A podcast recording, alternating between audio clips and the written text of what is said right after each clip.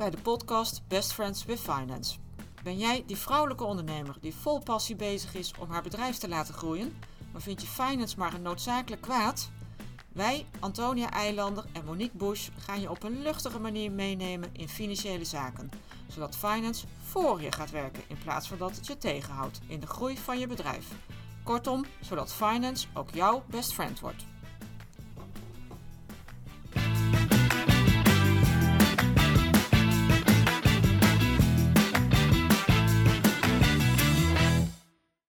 Hallo, hier zijn uh, Antonia en Monique weer met onze podcast uh, Best Friends with Finance. We hebben eigenlijk een primeur vandaag, want dit is de eerste internationale aflevering die wij aan het opnemen zijn. Dat klinkt natuurlijk veel interessanter dan het uiteindelijk is. Maar dit is ook de eerste keer dat Antonia en ik niet fysiek naast elkaar zitten.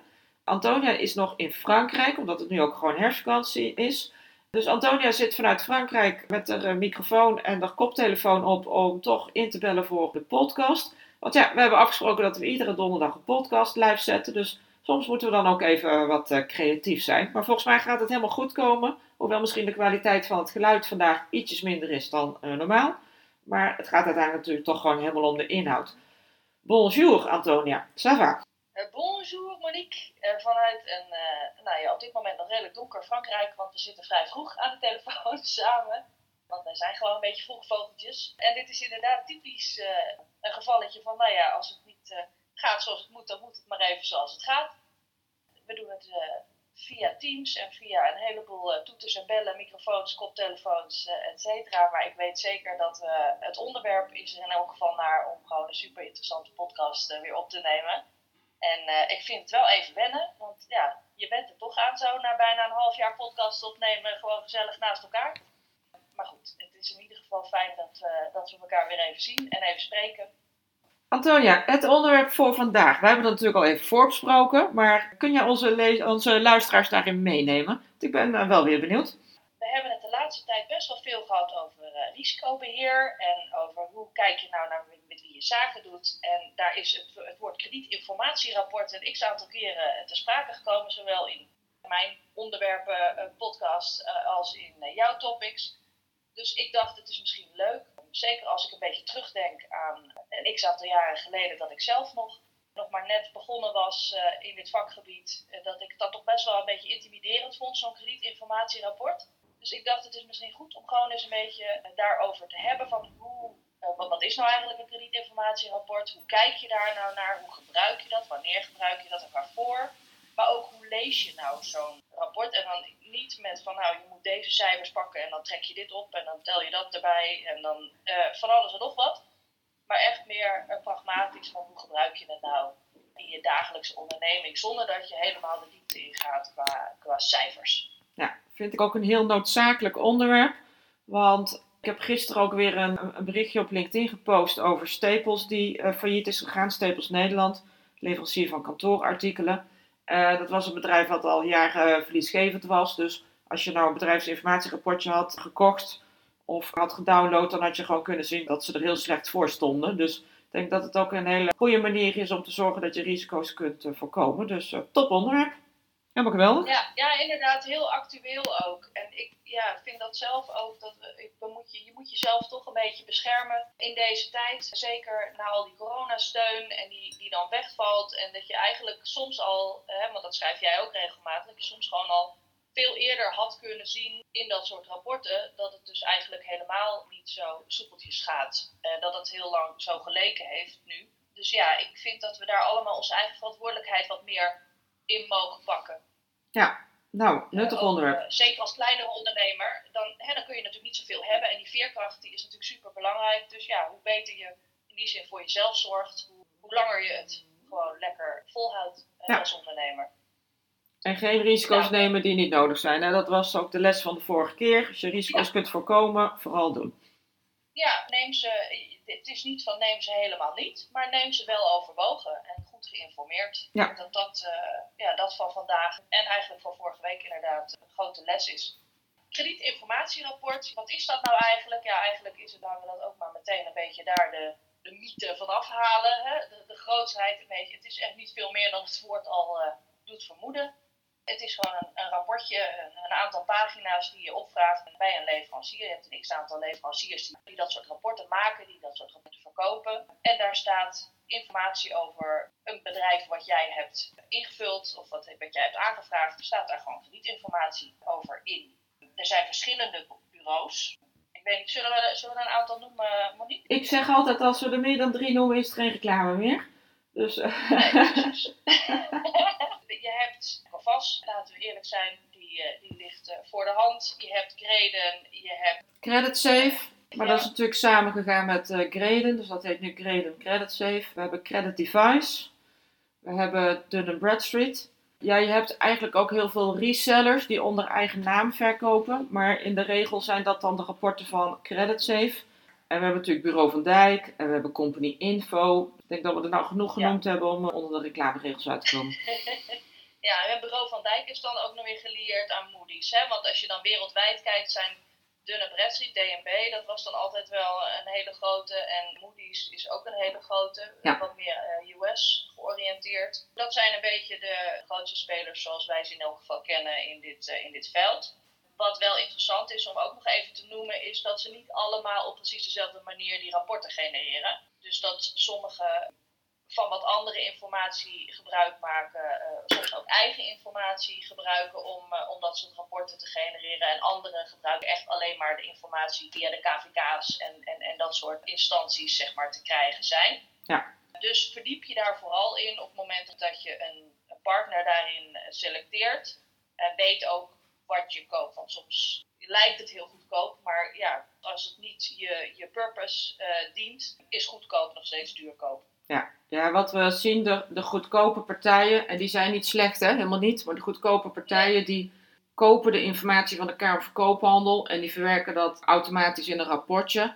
En die doen daar nog wel eens een algoritme overheen om daar een bepaalde kredietscore uit te rekenen, maar verder voegen ze er eigenlijk heel weinig aan toe.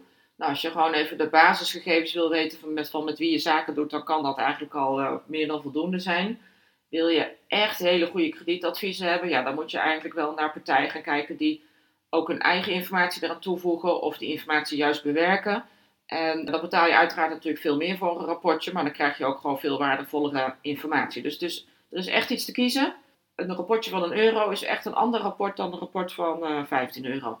Dat is zeker waar. En net wat Monique zegt, het is soms gewoon prima om alleen de basisinformatie te hebben spendeer er dan vooral ook niet te veel geld aan. Maar als je echt wat meer de diepte in moet, omdat het, een, omdat het je grootste klant wordt of omdat je een, uh, gaat samenwerken, ja, dan wil je gewoon wat meer weten. Nou ja, zo kom ik eigenlijk ook meteen bij het volgende ding wat ik wil bespreken. Is hoe gebruik je zakelijk nou dat soort kredietinformatierapporten? Heb je eigenlijk verschillende toepassingen voor. Uh, het eerste is eigenlijk beoordeling van potentiële klanten en partners. En daar zou je eigenlijk ook nog leveranciers aan kunnen toevoegen. Want ja, het is zeker. in sommige, zeker als je een maakbedrijf bent, is het heel belangrijk om te weten, ja, kredietwaardig en hoe betrouwbaar jouw, jouw leverancier is. Maar uh, als je dan hebt over betaalrisico's, ja, dan wil je gewoon weten wat je, wat je, wie je klant is en hoe goed die ervoor staat. Uh, en als je met iemand gaat samenwerken, ja, dan is het natuurlijk hartstikke belangrijk om te weten Ja. wat je, uh, wie je partner is. En of ze, zich, oh, ja, of ze ook gewoon zijn wie ze zeggen dat ze zijn. Natuurlijk moet je altijd als partners opereren op vertrouwen, maar er is helemaal niks mis met af en toe even checken of het ook echt klopt. Nou ja, dat, dat is een goede toevoeging die je hebt. Hè? Want we denken heel snel dat kredietrapporten dat dat vooral voor klanten is. Maar als jij een leverancier hebt waar je een vooruitbetaling aan moet doen, dan is het toch wel fijn om even te checken of dit een kredietwaardige leverancier is. Want stel je voor dat die leverancier failliet gaat terwijl jij al een forse vooruitbetaling hebt gedaan. Ja, dan sta je net zo goed met lege handen als wanneer jouw klant uh, failliet gaat en niet kan betalen. En Ja. het checken met wie je zaken doet is natuurlijk ook echt een hele goede. Het heeft ook eigenlijk niet zo heel veel met vertrouwen te maken. Maar ja, zit je gewoon met iemand aan tafel die mag beslissen? Is hij bevoegd uh, volgens de Kamer van Koophandel? Of is het iemand die helemaal niet mag beslissen, maar uiteindelijk nog naar uh, iemand anders toe moet? Dus ik denk dat je daar ook zeker helemaal aan de voorkant in je acquisitie ook al hele goede informatie uit kunt halen. Zodat je nou, in ieder geval kunt zorgen dat je bij een partij aan tafel zit die ook wat te zeggen heeft uh, binnen dat bedrijf. Ja, en waar je dan zo'n kredietinformatie, hè, los van het beoordelen van een partner of van een klant of een leverancier, nog meer voor kan gebruiken, is om een kredietlimiet vast te stellen, intern. Daar wil ik wel meteen de, de, notitie bij maken dat vaak in een kredietinformatierapport een, voorgesteld kredietlimiet uh, wordt gegeven. Dat is dan het advies van de kredietinformatieleverancier. Van nou, tot zoveel zouden wij adviseren om in één keer uh, uit te hebben staan of te leveren. Of, of het risico wat, wat je op dat moment in tijd zou lopen. Maar dat is een advies, dat, is geen, dat wordt nog wel eens verward met een verzekering die je dan hebt tot dat bedrag. Veel kredietinformatieleveranciers bieden ook verzekeringen aan op kredietverze zeg maar kredietverzekering. Dus op, op wat je daar dan uit hebt staan bij zo'n klant of bij een leverancier. Maar als je niet een aparte polis hebt met zo'n partij en je hebt alleen maar een polis of een contract voor kredietinformatie, vergis je dan niet dat je denkt, nou er staat een limiet op, dus ik ben tot dat bedrag verzekerd. Ik noem hem even, want het is me wel eens gebeurd dat ik ergens kwam en dat mensen dachten dat ze gewoon verzekerd waren. Ja. Omdat er een limiet op zo'n rapport stond. Maar dat is een advies.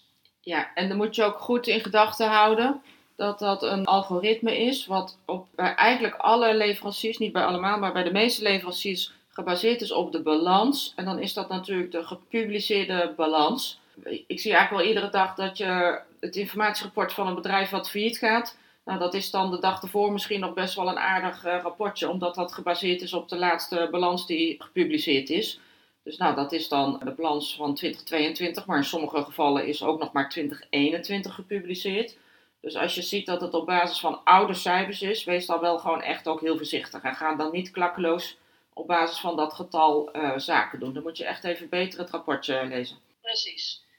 En daar komen we dan zo meteen op van hoe lees je dan zo'n rapportje en hoe kun je daar dan wel een goed gefundeerde beslissing uh, over nemen. Maar je kan dus de onderdelen en de, de informatieelementen in zo'n rapport gebruiken om je eigen kredietlimiet vast te stellen van nou, tot dit bedrag vinden wij of vind ik het verantwoord om zaken te doen met deze klant, met deze partner, met deze leverancier beslissingen over financiering en kredietverlening kan je het ook nog voor gebruiken. Maar ik denk dat dat voor deze podcast al een beetje ver gaat. Aan de andere kant, je, als je op zoek bent naar investeerders, dan is dat toch iets waar als je als investeerder kijkt van nou, ik wil weten hoe mijn potentiële investering ervoor staat, dan gebruik je het daar wel voor. Dus realiseer je ook dat het niet alleen maar van jou is dat jij de enige bent naar die informatierapporten kijkt. Het is ook jouw leveranciers, jouw klanten, jouw potentiële partners, jouw potentiële investeerders die naar die informatie kijken. Maar daar kom ik later nog eventjes op terug. Nou ja, wat zijn dan de voordelen? Die hebben we natuurlijk eigenlijk al een beetje benoemd. Je gebruikt ze om je risicobeheer op orde te houden. Je wil het voorkomen van wanbetaling en slechte relaties. Plus je wil je financiële boeltje zelf gewoon op orde houden door goede beslissingen te nemen. En ik denk dat dat wel een beetje de drie delen zijn die we hebben. En dan denk ik dat het gewoon belangrijk is nu om even te kijken van hé, hey, wat zijn nou die elementen waar je echt naar moet kijken als je zo'n rapport opvraagt. Ja, die vind ik wel heel goed om even door te nemen, want die rapporten zijn over het algemeen ook best wel lang. En er staat echt ongelooflijk veel in. Dus ik zal me voorstellen dat mensen geen idee hebben waar ze moeten beginnen. Het eerste, ja, waar, als ik gewoon kijk van nou hoe, kijk ik nou zelf, naar zo'n, rapport, dan is dat eigenlijk altijd, uh, elke kredietinformatieleverancier heeft een kredietwaardigheidsscore, een creditscore. Uh, en de ene keer gaat dat van A tot en met Z, de andere keer gaat dat van 1 tot en met 10 of van 100 tot en met 1. Je moet even kijken wat de schaal is bij de leverancier waar jij je rapporten koopt.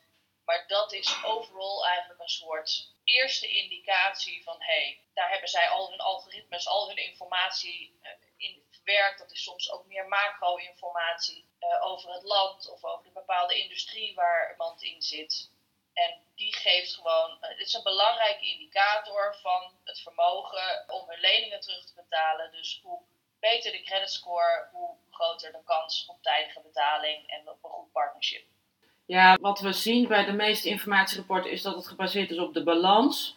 Omdat natuurlijk niet iedereen ook de verlies- en winstrekening hoeft te publiceren bij de Kamerverkoophandel. Vrijwel alle bedrijven moeten de balans publiceren. Dus dat is wel hetgeen waar de informatieleveranciers zich op baseren. Nou, wat kunnen we uit die balans uh, zien? En dan natuurlijk ook de bewegingen van het ene jaar naar het andere jaar. Daar wordt ook wel heel erg naar gekeken. Maar Ze zijn inderdaad heel erg gefocust op van, nou, kun je vanuit de balans zien of de kredietwaardigheid van de onderneming goed is.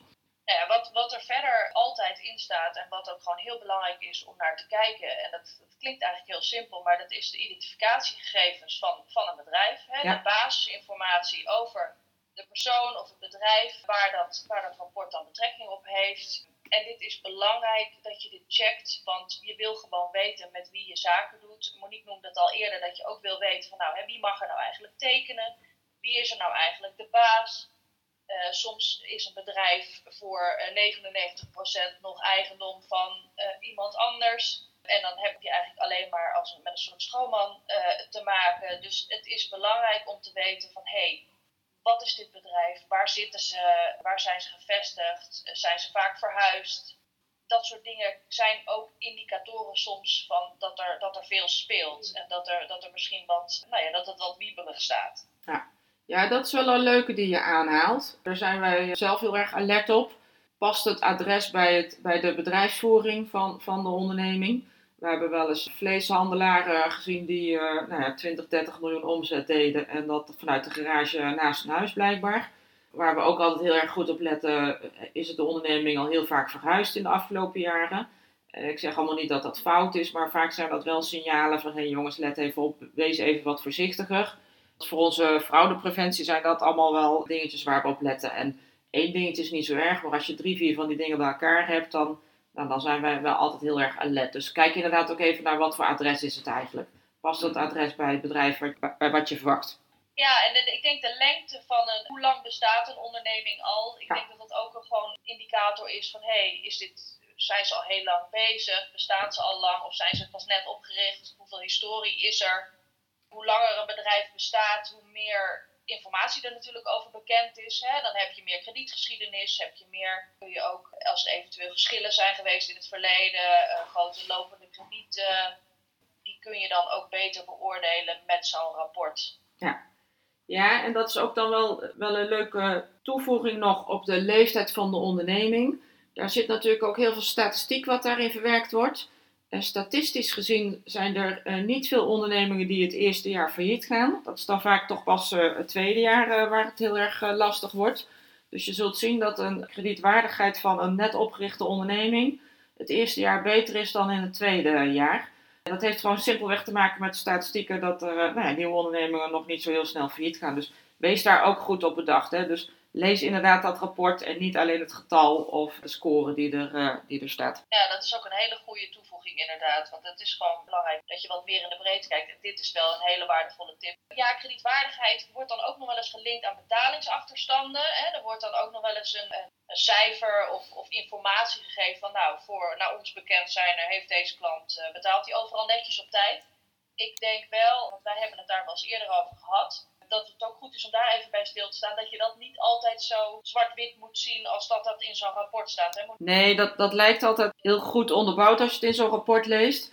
Maar in werkelijkheid zijn dat maar een paar betaalervaringen die uh, die partijen opkopen. En ze kopen wel betaalinformatie op, maar dan zijn dat natuurlijk van bedrijven die heel veel betaalervaringen hebben. Denk aan telefoonmaatschappijen, aan energiemaatschappijen. Uh, dus dat is niet heel representatief voor het betaalgedrag van die onderneming. Eh, als je deze rekening natuurlijk ook allemaal te laat betaalt, moet je wel een beetje alert zijn. Maar het is niet dat het op basis van honderden betaalervaringen gebaseerd is. Het zijn er vaak maar uh, minder dan tien. Dus het zegt ook weer niet alles. Hè. Ik denk dat we de, de meest belangrijke elementen van, van het rapport wel uh, gehad hebben. Monique, heb jij nog een toevoeging waarvan je zegt, nou daar hebben we het nog niet over gehad. Kijk, we, hebben het niet zo over de cijfers gehad. Nee, maar daar hebben we twintig andere podcasts uh, over opgenomen, denk ik. En ik denk dat je daar een heel goed punt hebt. dus daar zou ik je daar graag naar, uh, naar willen verwijzen. Misschien nog even inderdaad over de kosten. We zeiden net al, een rapportje van een euro is een ander rapport dan een rapport van 15 euro. Maar uh, rapporten zijn over het algemeen echt niet zo duur. En voor een paar honderd euro per jaar heb je al een abonnement ergens en kun je rapporten opvragen en nou, één keer een schade voorkomen en je hebt dat al dubbel en dwars terugverdiend. Dus bespaar daar niet op. Zorg echt dat je gewoon goed weet met wie je zaken doet en kun je jezelf uh, die informatie, want het uh, gaat je echt helpen. Nou, absoluut. Ik denk dat dat, uh, dat een mooie praktische tip eigenlijk ook is. Nog even samenvattend je belangrijkste meetpunten in zo'n rapport is kijk naar de kredietwaardigheid, kijk een beetje naar de betaalgeschiedenis. Soms staat er namelijk wel nuttige informatie in, maar kijk vooral naar de informatie, de bedrijfsinformatie en de geschiedenis. Kijk ook wel naar de schuldverhouding, maar zoek daar eventjes een van onze vorige Balans eh, BNL podcast voor op. Maar dat zijn een beetje de, de belangrijkste elementen in zo'n rapport zoek een goede partner voor die rapporten. Zoek er misschien meerdere, want je hebt, zoals gezegd, niet voor elke doel hetzelfde soort rapport nodig. Hoeft ook allemaal niet met grote, eh, enge abonnementen. Soms hebben ze ook gewoon een soort strippenkaart of credits die je kan kopen. En dan kun je het gewoon op je eigen gelegenheid inzetten of niet. Wat ik nog wel even wil benoemen is hoe belangrijk het dus ook is om, het, om je eigen bedrijfsinformatie up-to-date te houden. Want ik noemde het eerder al heel eventjes, het is ook wat andere bedrijven van jou zien. En we hebben het in de podcast over jaareinde en hoe belangrijk het is om te zorgen dat je je geld binnenhaalt voor jaareinde. Hebben we het daar ook wel over gehad. Hoe beter jij er aan het einde van het jaar, want je hebt nu gehoord dat, dat er ook veel leveranciers zijn die echt alleen maar de informatie kopen of krijgen van de KVK's die gedeponeerd worden, de, de jaarcijfers. Dus zorg dat die zo goed mogelijk zijn. Want dat is dus ook waar andere bedrijven, jouw potentiële partners, jouw potentiële investeerders, jouw potentiële leveranciers, waar die naar kijken als ze overwegen om met jou te gaan samenwerken. Ja, en denk dan inderdaad, de, inhoud van die cijfers moet goed zijn, maar deponeer ook op tijd. Want het is echt een negatief signaal als je niet op tijd je cijfers gedeponeerd hebt bij de Kamerverkoophandel. Kredietverzekeringsmaatschappijen houden daar helemaal niet van, dus dan zak je gewoon al in kredietwaardigheid. En de algoritmes van eh, de informatierapporten, die houden daar ook rekening mee. Heb je op tijd gedeponeerd. Dus hou dat in gedachten, super belangrijk. Nee, dat is echt nog een laatste tip. Ja. Verwacht, maar hij was er nog ineens. Hij kwam ineens naar boven.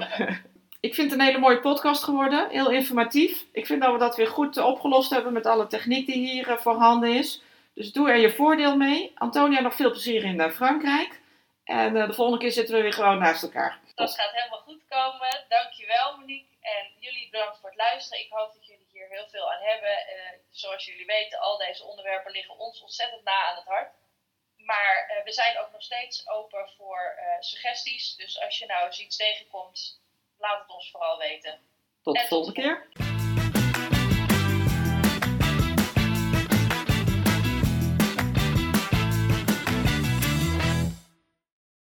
Dankjewel voor het luisteren naar onze podcast. Dat vinden we superleuk. Als je onze podcast waardeert, zou je ons dan een review willen geven in de podcast-app. Dat kan door bijvoorbeeld 5 sterren te geven in Spotify. Daar zijn we blij mee en zo wordt onze podcast beter vindbaar voor andere vrouwen. En vind je het leuk om contact met ons op te nemen? Dat kan dan via LinkedIn. Tot de volgende keer.